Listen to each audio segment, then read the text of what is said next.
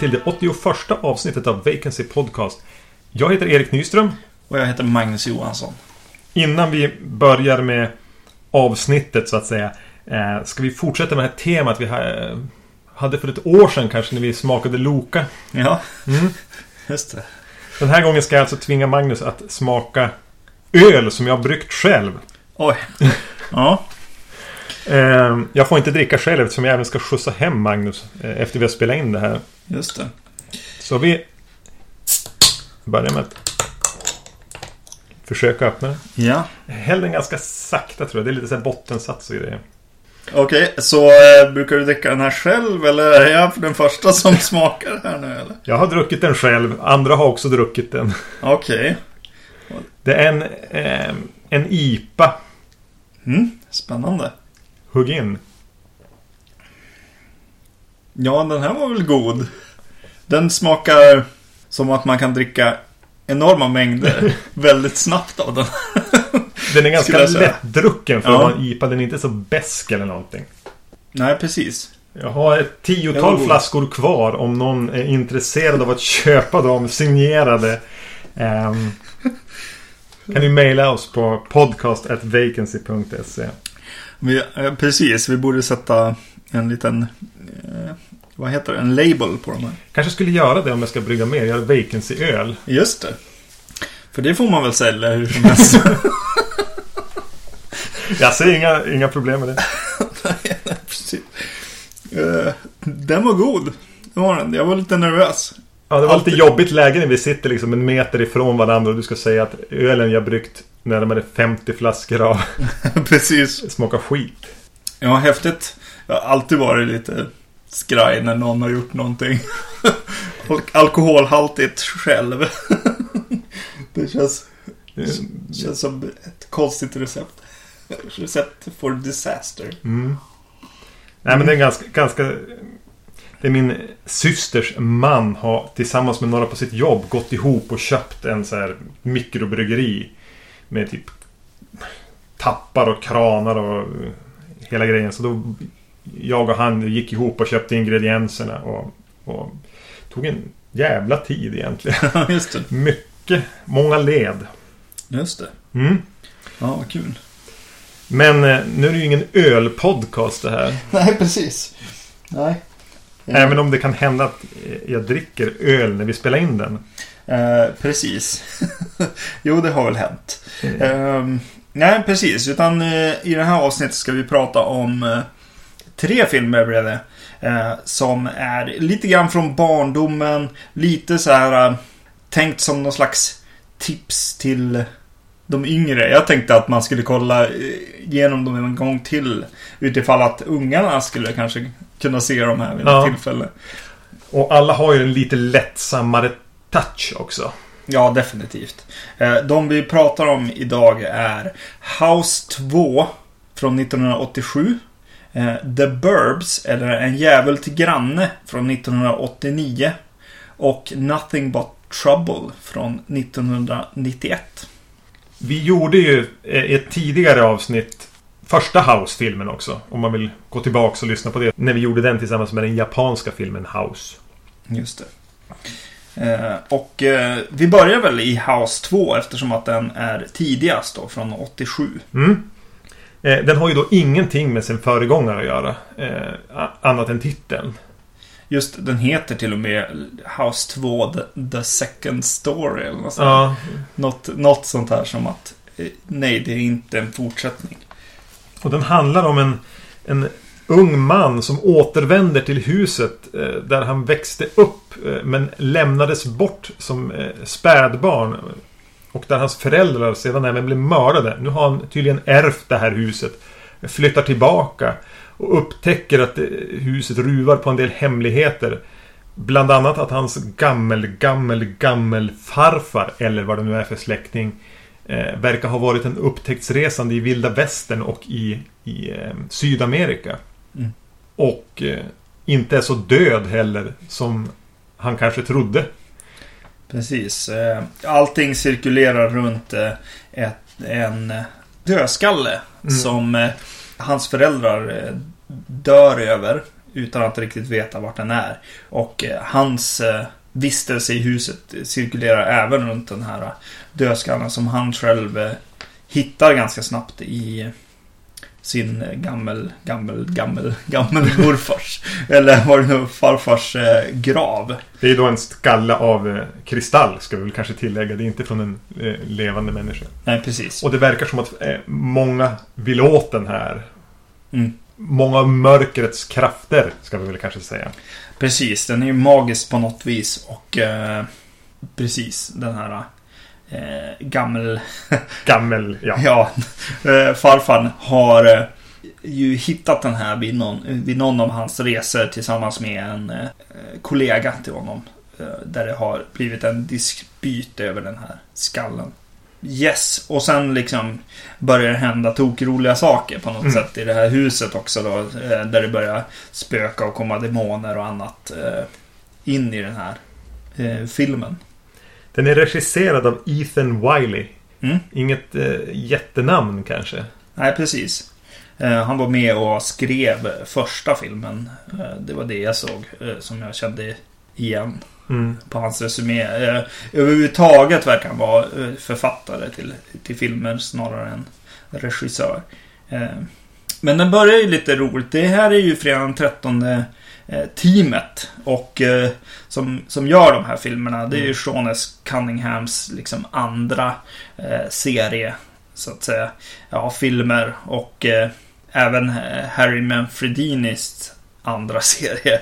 Eh, han som gör musiken här då. Eh, både till Fredag den 13 och den här filmen. Och den börjar ju väldigt härligt men eh, ganska catchy intro liksom spökhus eh, melodi som jag gillar som sätter en, en eh, ton av liksom så här lite rolig och glad skräck på ett sätt. För mig gick tankarna till Beetlejuice. Ja, precis. Mm, då förstår ni ungefär vad det är.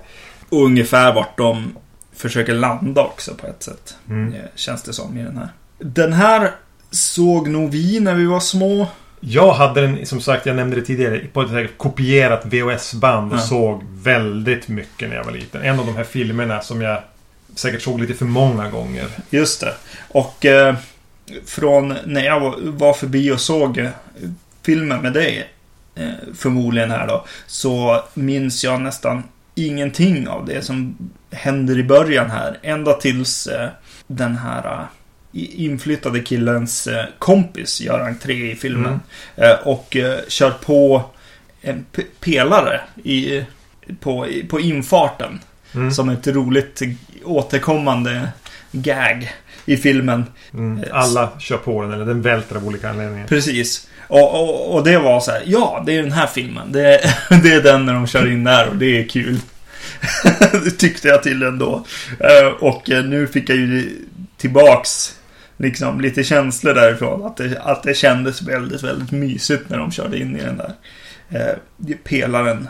Och egentligen var det bara en till scen som, som jag minns egentligen från den här filmen. Och det är ju sen då när den här kompisen kommer eh, och de börjar inse att vänta, det, det, det kanske finns en dödskalle begravd med, med gammelfarfar här. Eh, och eh, bestämmer sig för att gräva upp karn Eller graven i alla fall. Och försöka hitta den där skallen. Eh, och den eh, scenen vid graven är eh, också en som jag kom ihåg väldigt mycket och var väl, var väl liksom både rolig och lite så här småläskig. Mm. Den är väl nästan det, bland det läskigaste jag För han har ju på sig någon mask när han kommer upp. Någon sån här aztek eh, dödsmask som ser... Man ser den bara i mörkret så ser den lite obehaglig ut. Ja.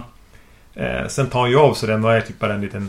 En, ja, men ungefär som någon som är typ 120 år skulle se ut. En Mm. liten rynkig mumie. Med skägg och mustasch. Ja. Det jag hade missat lite grann om när jag såg den då osunt många gånger som ung. Det är allt det här, alltså hur mycket eh, aztek-mytos de har vävt in i den. Eller vävt in, den består av. Alltså den där skallen är ju någon aztek-grej. Eh, hela huset verkar ju vara byggt som ett aztektempel blandat med ett sånt där gammalt eh, gotiskt spökhus. Ja. För det är så pelare med de sådana inskriptioner på och... Eh, Det dyker ju även upp typ azteker Ja, i filmen. ja Jag precis. tyckte det är ganska härligt att, att blanda den här klassiska eh, spökhuset, amerikanska spökhuset Ja, med aztekmytos. ja precis. Det är en ganska mm, ja, men mysig, schysst, unik touch. Mm. Precis, och man, man vill att de ska vet, liksom, dyka in i det här, djupdyka i det. Och, och då blev det... Då var någonting som stod ut som väldigt negativt var när, vad heter det, den här gamla Gramps, som de kallar honom för. Gammelfarfar. Han eh, pratar om, eh, om zombies i den här filmen. Bara i en replik så säger Mm. Åh, de här är zombiesar. Eh, men eh, där kändes det som bara, ja men använd så här mumier eller något annat liksom. Eh, än någonting som har kommit Från en annan tidsålder. precis, som har blivit populärt efteråt också. Efter att han dog också. Så, eh, det stod ju ut lite om man ska vara petig någonstans. Det som är ganska sorgligt med den här Gramps också när han väl vaknar upp är ju att han Han har nå- något har gått fel. När han begravs med den här skallen så är som tanken att han ska Han vet hela tiden att han kommer att kunna komma tillbaka. Han har som bara väntat på att någon ska gräva upp honom. Mm. Men att han Han säger någon, men han är ju jättegammal när han vaknar upp. Han har ju som fortsatt och alltså är så gammal som han faktiskt skulle vara och ser ju typ möglig ut. Mm.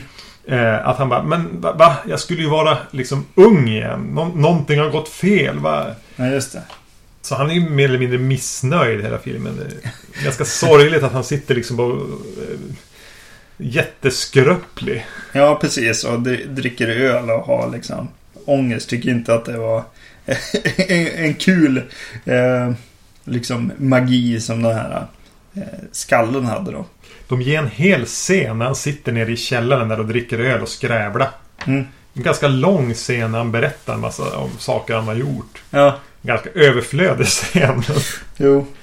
Sen för då, eh, och då, jag börjar tänka så här, ja men vad är house här då? Jo, det är ju ett house, eh, ett hus, eh, som de är i, definitivt. Och, just att det kommer en, en person och, vad heter det, ärver det här huset. Mm.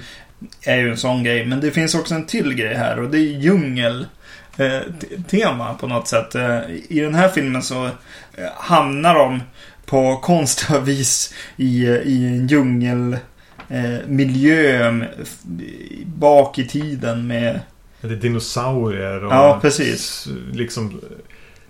Vad, vad, vad ska man kalla dem för? Stenåldersmän. mm, precis. Eller en man. Ja, precis. Uh, som, som mest ser ut som en wrestlare. Eh, jag såg den med frugan och bara, varför är en wrestlare med i den här filmen? Va, vad gör han i den här miljön? Så bara, "Jo, men han är ju en grottmänniska liksom. Ja. Bara, Nej, han är en wrestlare Han bara. är till och med inoljad och rakad på bröstet. Liksom. Precis, och har någon, någon, något ansiktsmålning så här. Ja, som känns som en, en wrestlare, definitivt. Så. Det var som kul, men just den här djungelgrejen var... Det står ju som ut. Det känns ju mer som ett...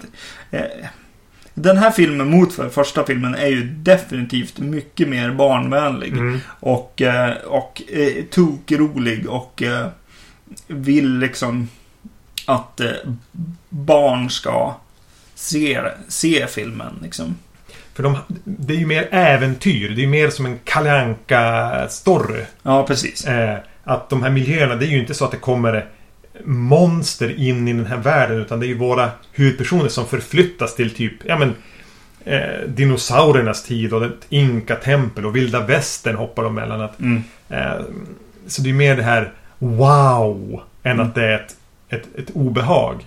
Eh, Så allt mörker som ändå fanns i den första filmen, allt mörker, men alltså det är ju en lättsam film Mm. även det. Men den hade i alla fall en strå, strimmor av mörker i sig. Ja.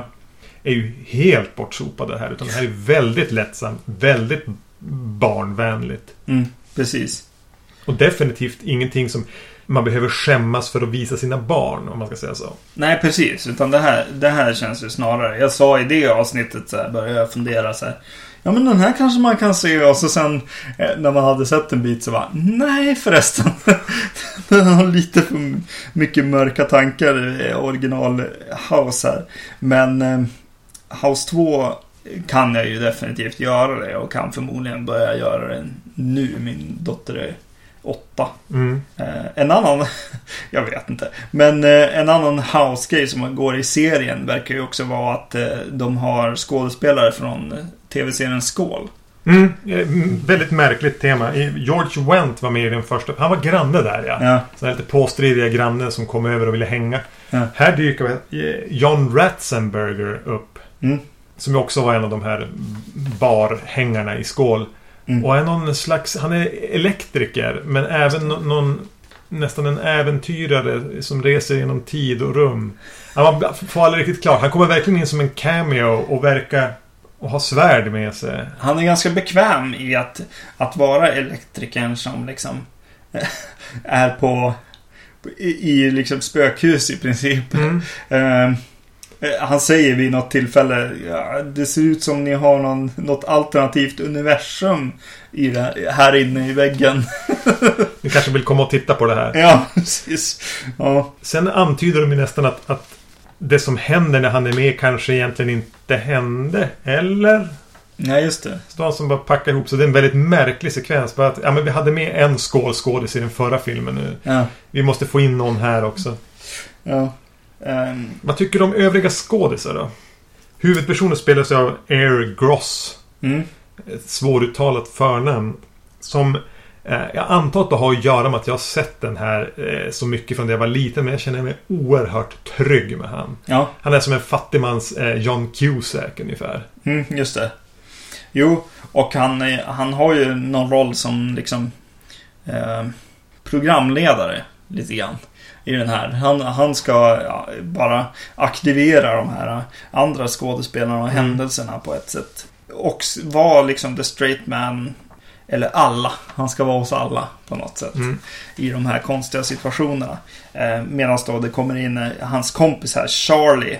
Eh, vilket jag tycker är ett jättebra namn för den här glada sidekicken Mm. som han är. Lite sprallig och, och eh, impulsiv. Precis. Vad har vi mer? Jo, vi har Tina från fredagen 13. Sju. 7, ja. Ja. Lar Park, Lar Park Lincoln. Just det. Som kommer in som... Eh, Hon är hu- hans flickvän. just det. Mm. Mm. Ja. Hon är väl med. Det är inte så många som är... Det, det jag tycker att, att huvudpersonerna där. Ja. Eh, de fungerar... De har ett hyggligt samspel och de är liksom bra castade för den... Ja men som du säger, programledartypen. Och den här spralliga eh, comic relief-killen. Mm. Sen dyker Bill Ma- Maher och upp också. Jag kan inte uttala hans Ja, efternamn. just det. Ehm, nu mest känd för att åka runt och, och eh, driva med religion. I olika tv-program eller film. Just det. Han var med i något klipp med Ben, ben Affleck nyligen. Som gick eh, runt. eh, Ja just det, han får skäll. Ja, precis. Ben Affleck. Så, så frugan var typ skitsur på- på honom genom filmen. Och, bara, ja. och sen så spelar han ju den karaktären också som man ska tycka illa om lite grann. Ja, där den- lägger lite vantarna på, på huvudpersonens eh, flickvän. Och, Ja, Ehm, en fråga. Det dyker upp en kvinna som heter Rochelle i den här filmen. Mm. Vem är hon? ja jag vet inte. Alltså, jag, jag, jag menar inte att du ska veta vem skådisen är. Nej. Vem, va, vem är hon? För det blir en sekvens, det dyker upp en ung vacker kvinna som verkar vara väldigt intresserad av huvudpersonen och han är nog inte helt ointresserad av hon. Så det blir lite fars när han måste gömma henne eh, från sin eh, flickvän hela tiden. Just det, men hon är ju... eh, Precis, när du sa flickvän blev jag förvirrad. Eh, Men ja, han är, det är ju något slags ex Ja, till, till honom. Som, som kommer tillbaka där och eh, liksom vill ha tillbaka honom. mm. Vilket då skapar något triangeldrama där. Eh, involverade en eh, urtidsfågel också. ja, jag vet inte. Mm, konstig. Ja, men tokrolig liten scen. Mm. Ja, nej men... Eh, House 2, ja. Den är ju... Den är ju fortfarande gjord av skräckfilmsfolk så att den kan förvåna ibland ändå och inte vara för slätstruken. Eh, och eh, en film som jag skulle visa barnen definitivt för att kanske få in liksom lite estetik eller någonting i alla fall från skräckfilmer. Hur ska liksom. du programmera dina Ja, precis. döttrar att börja gilla Att rätt kanske sorts bör, film? börja där någonstans. Eh, musiken är ju också väldigt trevlig tycker jag genom den här filmen. Men det är ju, det är ju fredag 13 vibben som man får. Jag har svårt att säga elaka saker om den eftersom Ja. den är så tätt... Eh, jag har ju vuxit upp med den på så många sätt. Eh, och eh, jag tycker ändå det är en historia som fjäderlätt bagatell, verkligen. Mm. Men att historien häng, håller ihop någorlunda. Den får vara lite fantasifull. Den är hyggligt regisserad och det är rätt, de har hittat rätt skådisar på många roller. Så. Såg du Kane Hodder förresten? Ja, just det. Ja, ja. Dök upp där. Eh, ja, ja, historien och det, liksom. Och den här dödskallen och, eh, och eh, släkt i, genom tiderna. Och, det blev ju lite, lite så här, åh vad ska, vad ska hända härnäst eh, manus snarare än, än, än House-originalet om man, om man ska Ja, den har ju ett problem att lösa på ett annat sätt. Ja, precis. Den, den, eh, det här är ju nästan som en tv-serie snarare. ja, precis. Jo, jo eh, så det kan jag kanske inte ge den här full pott på. kan jag tycka. När det är bara att jakten på den här eh, saken, vilken det nu än eh, må vara. Och, och folk som kommer in och försöker sno den liksom. Eh, lite då och då. För, för tokroligheter. men ja, nej men det var väl ganska kul. Det var den. Kan du lova nu att vi kommer att göra House 3 och 4 också så småningom? Ja, podden? precis. Eh, Vi, vi bör väl göra det ja. någon gång. Men då får vi ju göra så här då. Försöka para ihop dem med, med andra saker. Med andra saker. Ja. Ja, To be continued. yes. Vi hittar säkert någon infallsvinkel där. Eh, och då kommer vi till eh, The Burbs, eller då En jävel till granne som väl alla vi känner till det som. En sån här TV3-favorit. Mm, precis. Eh, med då Tom Hanks eh, som eh, ska vara ledig en, en vecka. Eller han ska ta semester. Och vara lite ledig och vara lite hemma i sin, sitt eh, grannskap. Eh, i, I kvarteret och bara sitta och liksom småtitta på grannar och... Dricka lite öl tror jag han pratade om att han vill göra också. Ja, precis. Men då har du ju flyttat in ett, eh, ett, en familj i huset bredvid. Det här huset ser lite hotfullt ut och det verkar vara skumma saker som pågår. Eh, vilket då eh, involverar då nästan hela, hela kvarterets eh, gamla inneboende till att eh, försöka lösa vad, vilka de här är och, och är det, håller de på med något brott eller vad, vad, vad håller de på med där om nätterna? Det, nere i källaren så ser man eh, hemska eh, ljus och det kommer otrevliga ljud nerifrån källaren. Eh, så att eh, Tom Hanks och eh, hans grann, grannmän egentligen Mm. börjar väl eh, klura på vad det kan vara medan liksom eh, deras fruar kanske eh, egentligen tycker att de är lite töntiga och vill att de ska bara gå dit och säga hej och, och inte, inte bygga upp sig så mycket runt det här som händer. Det här är en ganska klassisk eh, upplägg då med så här eh, män som är pojkar. Så här, Mm. Boys will be boys eh, attityden. Som sticker lite i ögonen på mig. Att, Mm. att det, här, det, skulle, det här är egentligen The Goonies fast de har vuxit upp. Ja. Eh, och, och, jag blir lite trött på det. Att det alltid är männen som ska fjanta runt och vara pojkar. Och, och för sådana är de. Och så är deras fruar deras surrogatmammor. Mm. Så det krävs ändå att en, en film med det här anslaget måste prestera ganska eh, bra. För att jag inte ska sitta och störa mig på det här eh, grundläggande konceptet som den går ut på. Mm. Eh, För regin står Joe Dante. Mm. Gremlins eh, pappa kan vi kalla honom för. Just det, och så har vi ju en massa kändisar här i- rollerna. Det är ju vad det, Tom Hanks. Eh, Tom Hanks fru spelas av Carrie Fisher.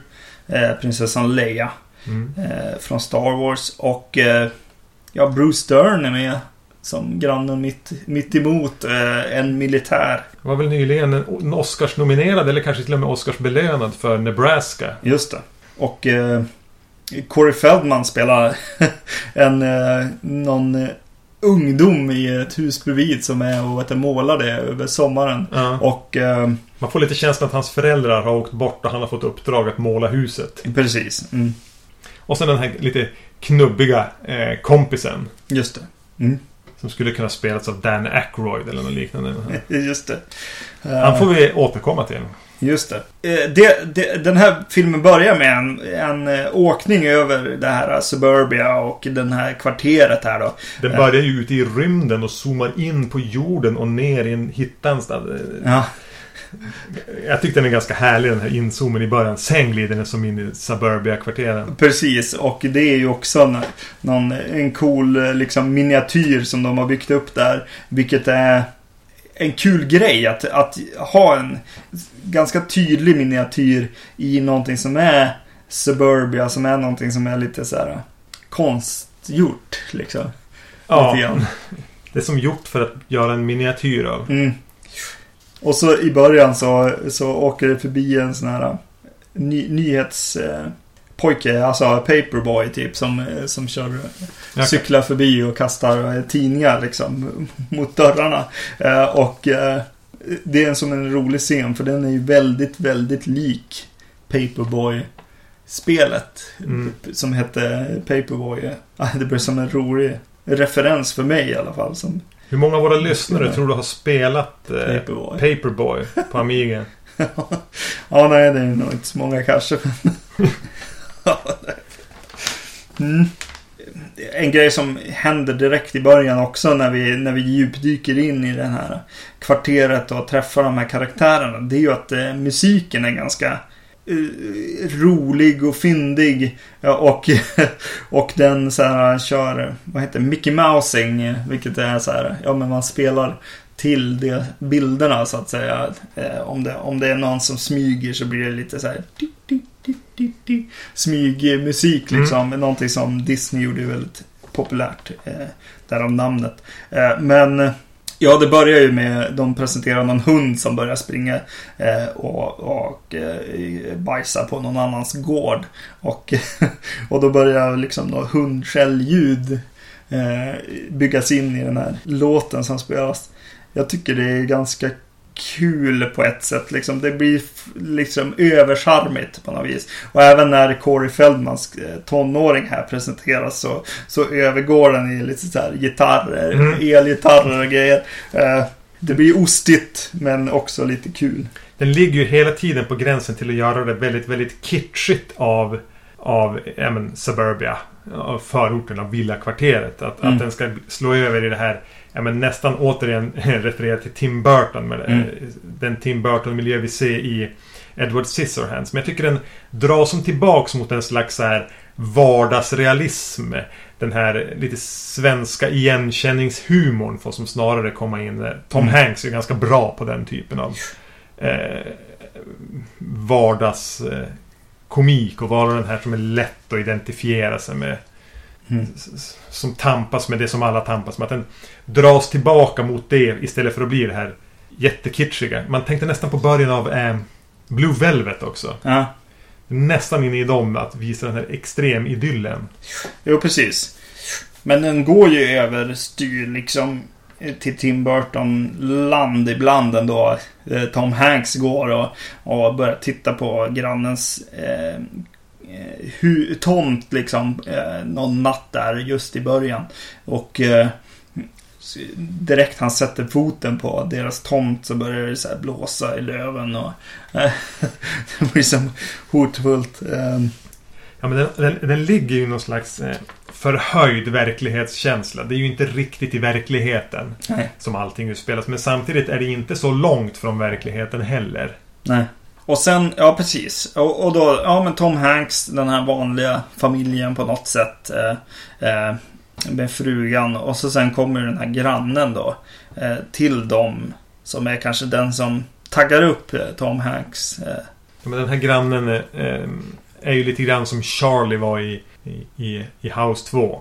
mm, Den som ska som pusha på honom hela tiden medan han är the, the straight guy. precis. Art heter den här. Art ja. Eh, och han är ju grannen då som kommer och äter hos andra. Mm, Kr- Kramer-grannen. Precis, eh, kommer in och, och och börjar öppna deras kylskåp och ta mat och, och sitter med när de äter. Och han äter till och med av eh, hundmaten när frugan går förbi med, med den. För att mata hundarna.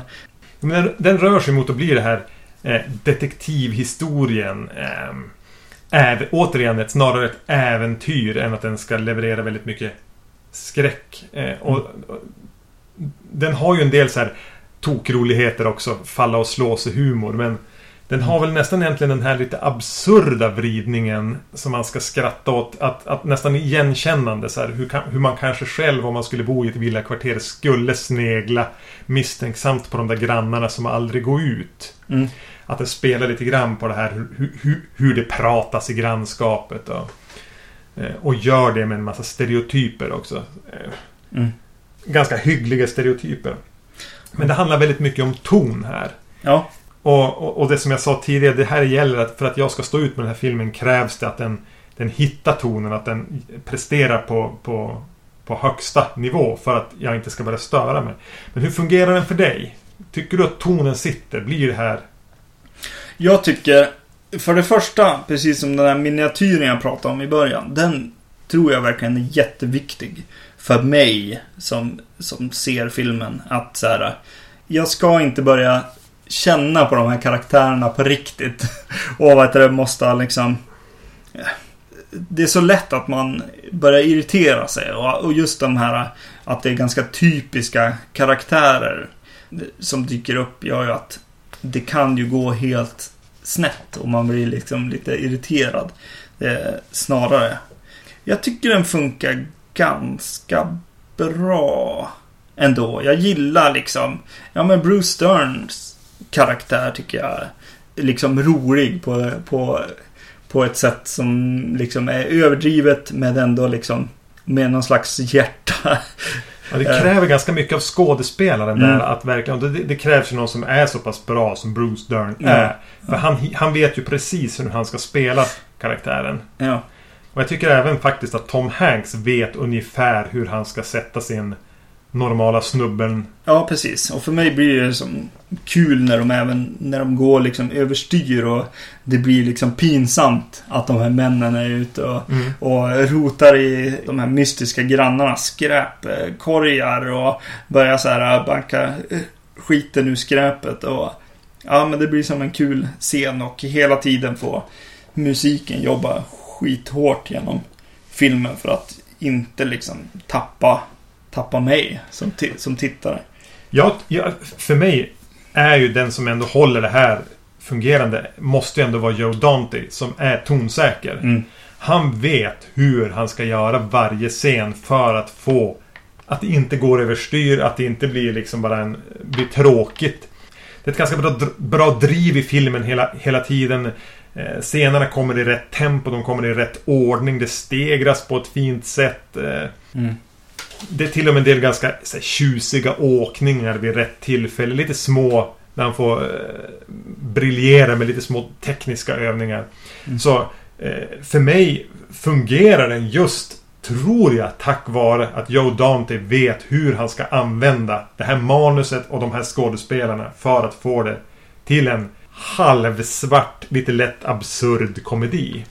Jo, absolut. Och eh, det finns några liksom tillfällen där den liksom eh, gör humor av den minsta liksom lilla skräckelementen på något sätt också som jag verkligen gillar när eh, det är hunden här har varit ute och sprungit och hittat något ben och de tar, tar benet och kastar iväg det en gång åt hunden och sen börjar de eh, tänka på vad det är de kastar iväg och så här och, och eh, helt plötsligt så tänker de att vänta det här är ett mänskligt ben. Det är ju liksom eh, våran granne, en, en av grannarna som man tror har, att den här familjen har dödat då. Mm. Eh, och hur de då rop, ropar liksom No!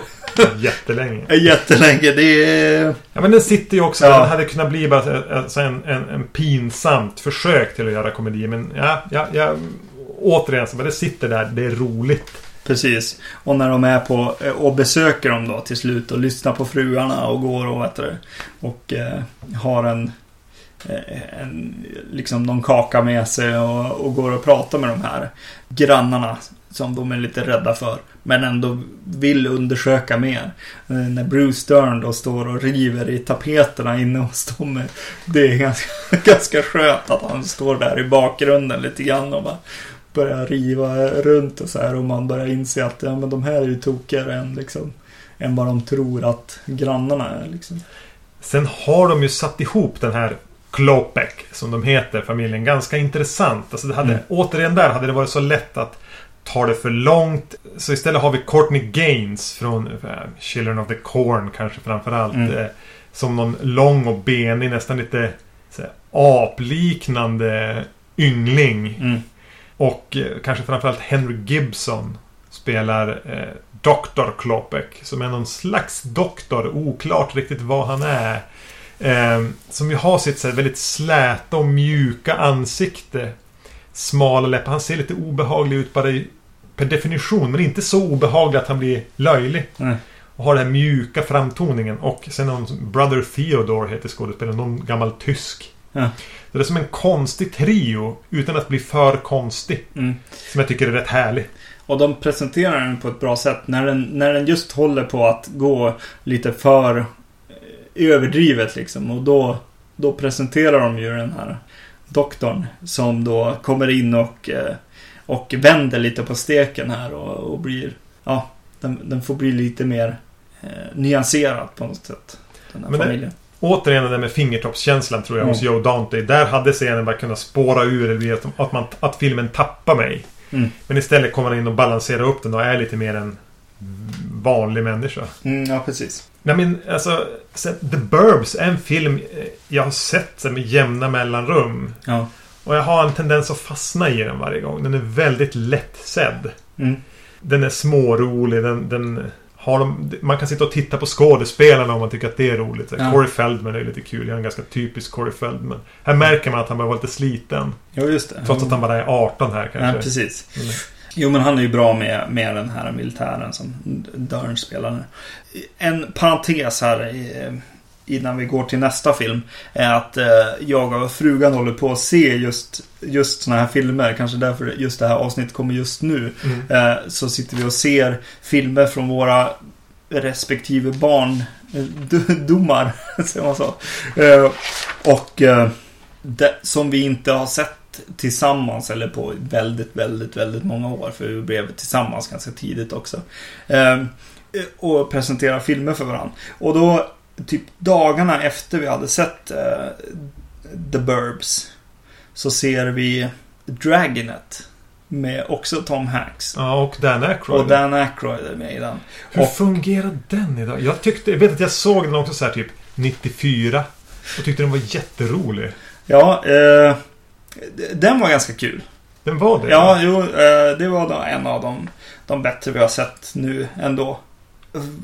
Jo, men, men grejen som den då har gemensamt då med The Burbs är att så här, när de i The Burbs kör, kör bil mot slutet in mot, vad heter det, in i den här kvarteret. Ja. Så åker de som i en, i en viss sväng sådär som man får se bilen komma i två gånger eller så.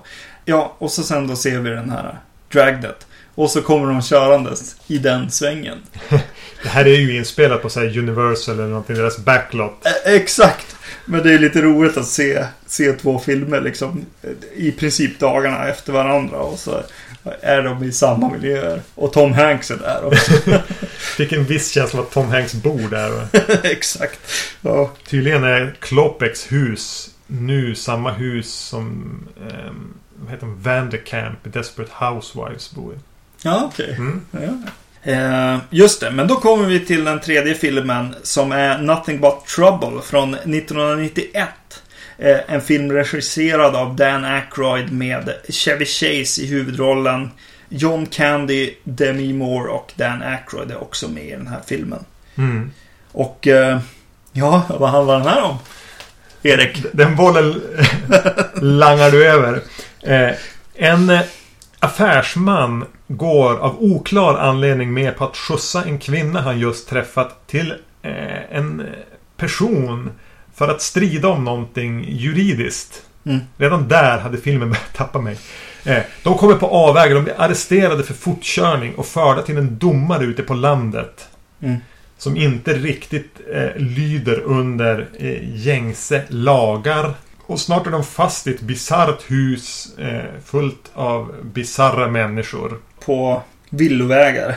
Utanför eh, huvudvägen. Ja, man ska enkelt. hålla sig på motorvägen. Man ska Precis. inte försöka ta en genväg. Nej, Eh, precis. jag hade aldrig sett den här tidigare. Okej. Jag Ja, hade nej. knappt hört talas om den.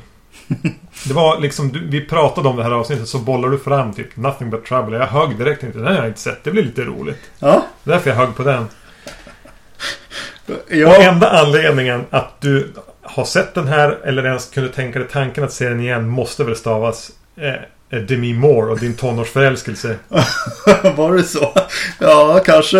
Eh, jag vet faktiskt inte i vilket sammanhang jag har sett den här. Men jag har ju sett den när den kom liksom. Och, och kanske, kanske att jag och syrran såg den och så kanske vi såg den liksom dagen efter. Vi brukar göra så. Ja, men när man hyrde film. Att man Ja, såg den två gånger. Precis, och man såg den två gånger och därför har det fastnat på något sätt som att jag liksom att den här kommer från från barndomen på något vis och, och, och då tänker jag liksom när vi när vi hade Burbs och, och House 2 på menyn så kändes det som att ja men vänta den här är ju också eh, hör ju också till de här komedi liksom barnvänliga skräckisarna. Eh, Ja, den passar ju in i avsnittet. Det ser jag verkligen ingenting om. Och skådespelarna är ju liksom skådespelare som nästan hade kunnat passa in i någon av de tidigare filmerna. ja, Chevy Chase hade ju nästan kunnat vara Tom Hanks karaktär i The Burbs. just det. Ungefär. Ja. Eh, och var ju väldigt stor här. Eh, Mm. och det var ju... Dan Aykroyd var ju också stor. Och Demi Moore var ju verkligen på uppgång. Det var ju... Det var inte kattskit de hade samlat ihop. Nej, nej.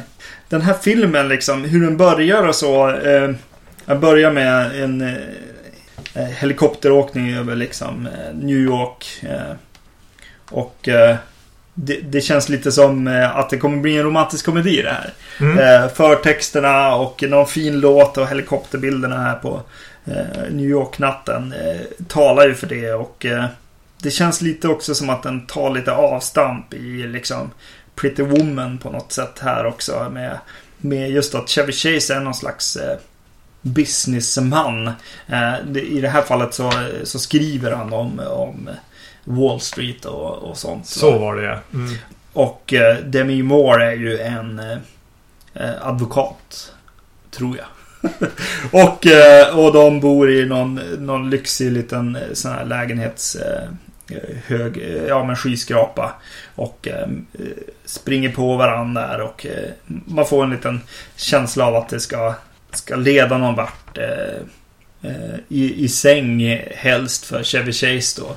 Mm. Eh, Som spelar sin eh, lite vanliga eh, se ner på människor karaktär på något vis. Eh, Redan där någonstans börjar jag ana oråd. För Ja, jag, jag kan halvgilla Chevy Chase. Jag tycker att han Ja. har den där som du beskriver jättebra. Alltså att han ser som ner på människor sätt. Ja. Eh, ja men päron till farsa eller Fletch. Jag kan tycka att Mm. han med väldigt små medel här, på lite Peter Sellers nivå nästan när han är Mm. som bäst kan vara otroligt rolig. ja. Caddyshack är han väldigt, med väldigt lite men han är enda anledningen att se, det, se den. Han kan så här, titta på ett sätt som är väldigt roligt eller bara lägga ifrån sig någonting. Men jag känner efter att ha tillbringat typ en och en halv, två minuter med Chevy Chase här att han är ju jättetråkig. ja. Han är... Ingenting han gör är roligt och det brukar det kunna vara. Ja, precis.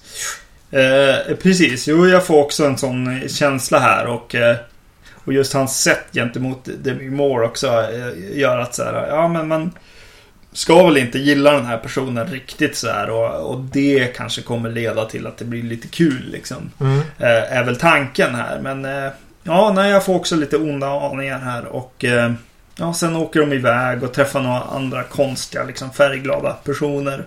Festglada, rika snubbar som åker med i bilen. Så det blir fyra personer som ger sig ut på vägen. Eh, precis. Och det blir en jättelång transportsträcka i bil. Mm.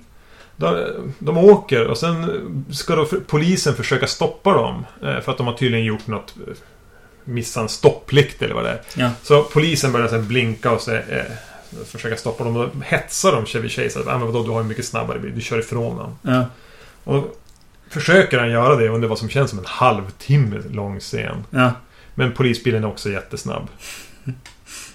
Jo men precis. Jo men det är ju någonting som känns ostrukturerat eller alltså den använder liksom sin speltid på ett konstigt vis här, särskilt i början. Den är skriven av Dan Aykroyd och hans eh, bror. Eh, som jag förstår. Ja, jag såg bara. Dan, såg bara att Dan Aykroyds namn stod på manus. Just det. Och eh, det känns som att de bara har suttit och bara Åh, vad ska hända sen? Mm. Och vad ska hända nu? Och, och vet du vad? Vet du vad som jag tycker är läskigt? Eller så här. Det, det här skulle vara jättekonstigt om det hände. Eller oh, det ska vara jättemycket skelettbitar i just här och så här. Och så, du, och så skrattar de och håller på och, och kommer på att eh, en sekvens liksom, en, en, en sketch nästan. Eh, Tydligen läste jag någonstans någon trivia att, att en av idéerna som Dan Aykroyd hade när han gjorde den här var att han ha- kunde inte få bilden av John Candy i drag ur huvudet. Han tyckte det var vansinnigt hysteriskt roligt med John Candy utklädd till kvinna. just det. Så det var en liksom av hörnpelarna när han satte sig ner för att skriva det här manuset. Ja, precis. Jo, men det känns ju som att han har roligt åt det här. Men Dan Aykroyd är ju en underlig figur. på ett sätt. Som jag har förstått det är han bara en liten så här... Är han lite underlig när det kommer till liksom så här det övernaturliga och...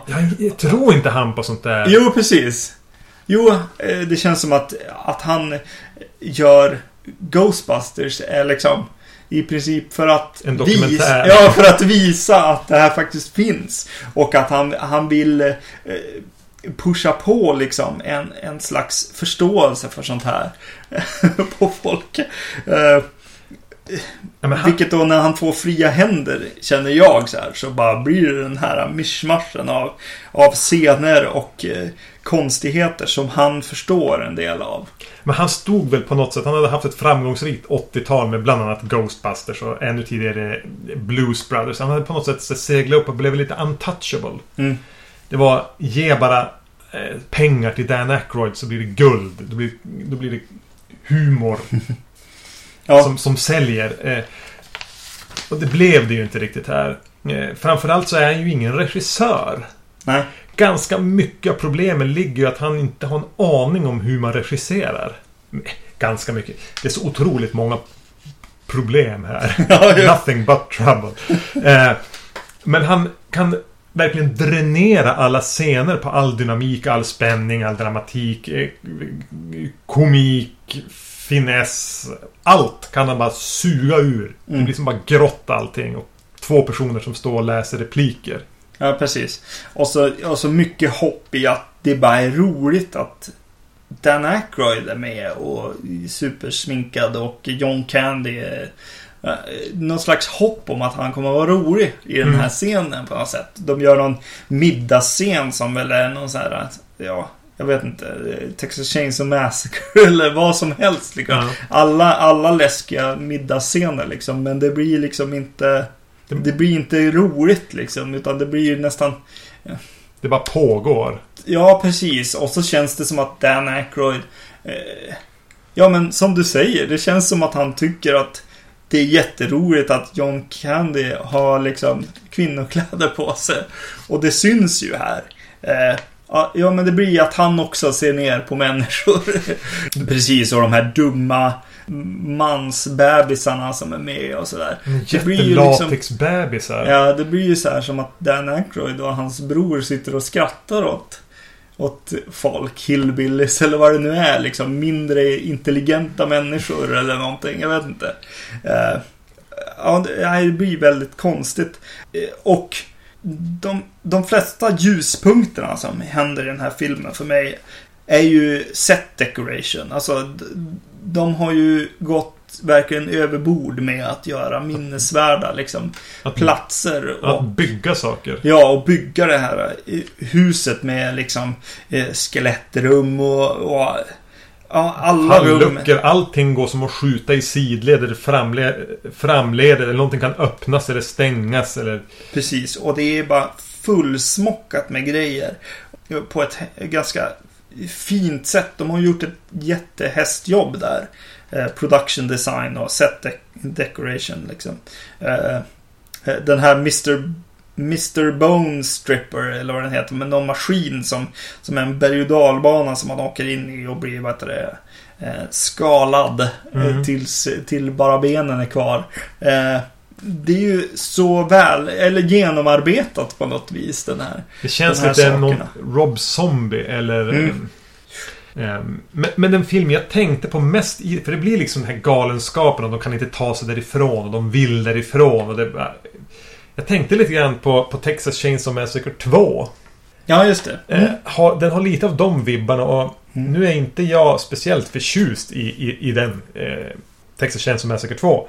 Men det här är ju som en extremt urvattnad tråkig TV-version av den. Med Ja. Dan Aykroyds liksom vita flabbiga fläsk över allting. Ja. ja. Nej men precis. Och, det, och man skattar nästan aldrig och... Eh, nej men det är som synd. Jag, ty, jag tyckte typ... Ja men det kom några riktigt aspackade till och med domaren och bara skrattar åt han jättemycket. Mm. Det tyckte jag var underhållande. Bara för att man skrattar ju när någon annan skrattar. lite grann. Eh, lite så blev det. Men... Eh, nej, den är ju inte... Tupac Shakur är med också. Ja. Visste du det? Jo, ja precis. Jo, men de här hiphopparna, de är säkert kända allihop. Men Ja. Tupac, för, för mig känns ju bara... Oj, va. Vilken konstig roll. Och man Ja. börjar tänka 91 och... Ja, nej, det, Det ska vara lite, lite före. Ja, precis. Det blir mycket hiphop också på slutet. Just det. Av någon anledning. Men den här är lite... När en vit man skriver hiphop. Vanilla Ice. ja, nej men jag vet inte. Eh, ja, eh, liksom Dan Aykroyds, den här gamla mannen. Eh, domaren som han spelar. Börjar så dansa till det och så här. Ja, nej, jag vet inte. Igen känns det lite som att den ser ner på hiphopen snarare än att hylla den. mm. En annan rolig grej, det var väl eh, The Batroom. Eh, som var en liten rolig ordvits. Rummet där fladdermöss skiter. Istället Ja. för The Bathroom. Nej, ja, men det är ju på den nivån. På något sätt. Eh, Ja, men den här filmen. Med en lite mer inspirerad regissör så hade de kunnat göra det här manuset med de här skådespelarna bättre. Ja. Men jag lägger all skuld på Dan Aykroyd som ju kvaddade sin egen karriär med den här filmen. Den kostade ganska mycket att, att, att göra och spelade inte ens in en fjärdedel av det. Så det var ju en jättefiasko. ja. Och den sköt ju som eh, sönder Chevy Chase karriär. Vilket i och för sig var en karriär som redan hade börjat somna in på grund av att han blev gammal. Jag vet inte. Ja. Eh, och så tänker man sig John Candy. Ja men han gjorde inte så många fler filmer efter den här. Han Nej, dog ett par. Måste ha med den här på resumén utan att liksom kunna få chansen att under 20 år be om ursäkt för den. Mm. Men det är ju på något sätt ändå, alltså de här stora namnen som var ganska heta då, bara få för sig att göra en konstig så här redneck-film. Och- Om människor som blir fast i ett galet hus eh, med en Mm. ut, jättebebisar i latex. Det, Ja. det är ju jätte, den är ju bisarr på det sättet. Och jag brukar väl kunna uppskatta det här lite bisarra och oväntade men det här blir så plågsamt Ja. dåligt att jag kan inte få tag i det. Nej, precis. Det går inte. Nej. Och så just att den, den känns som att den... Den skrattar väldigt mycket åt folk istället för med folk på ett sätt också. Jag tycker att Demi Moores karaktär känns som att hon är också skriven av en liksom man som bara träffar groupies. Mm. Lite grann. Uh, ja, nej det... Vilken äcklig tanke att Dan Aykroyd har groupies. Men jag har inte. Ja, det var förmodligen. Jag har alltid gillat han liksom så här i, Ghostbusters. Ja men Ray så här. Han är ju som så här, nallebjörnen. Ja, Men eh, mm, den här filmen har nog väckt en ganska stark avsky mot Dan Aykroyd. Med, man, man ska inte låta honom hålla i tyglarna i alla fall och inte skriva. han ska hållas hårt Ja, precis. på mattan. Precis. Ja. ja, nej, det var ju tråkigt att vi slutade med... En av de sämsta filmerna vi har sett på podden. Jag ska inte säga att den är den sämsta, men eh, Nej. ja, fy. Nej, vi slutade inte... eh, på topp. Nej, precis. Och eh, House, jag säger se House 1 om vi ska lägga den här till någon slags rad av, av de filmerna. Eh, House 1 är bättre, men den här funkar ju som, som det här konstiga äventyret som, som även eh, Nothing But Trouble försöker vara. Mm. Eh, på något sätt. Eh, och den har lite mer edge i det att den är gjord av skräckfilmsfolk som kanske inte alltid har eh, koll på vart, vart liksom gränser går och sådär. Så att eh, den är, den är mer underhållande och mer eh, svår att veta vart den ska ta vägen. Och när den tar konstiga eh, vändningar så tar de ganska bra konstiga vändningar. Eh, och blir ganska kul. Eh, det finns några lite segare scener i den bara. Men, eh, men annars är den väl bra. Och eh, The Burbs alltså. Jag vet inte. När jag satt och såg den nu så blev jag lite så här. Åh, är den så himla bra så här? Och så sen går det några dagar och så och så är den bra igen. uh, ja, jo, men den är en trevlig film. Den är ju väldigt trevlig. Ja, framförallt trevlig. Och ja, det kanske precis. inte alltid är det man vill ha. Nej, nej, nej Men jag, jag vet att jag kommer att se om The Burbs innan, innan jag dör. Mm. Eh, och jag kommer att se om House 2. Som jag sa, jag har svårt att prata illa om den. Jag har en sån stark relation till att ha vuxit upp med att ha sett den så mycket. Att mm. Den är en del av mig snarare än att jag kan se på den objektivt på något Nej, sätt. Men eh, Nothing But Trouble är ju bara smörja. Ja, det var det. Nej, men eh, nästa gång då? Nästa gång blir det David Lynch igen. Just det. Nämligen Mulholland Drive och Wild at Heart. Just det. Vi finns på vacancy.se, på iTunes, på Facebook. Och på filmfenix.se naturligtvis. Självklart. Eh, då hörs vi då. Hej. Hej hej.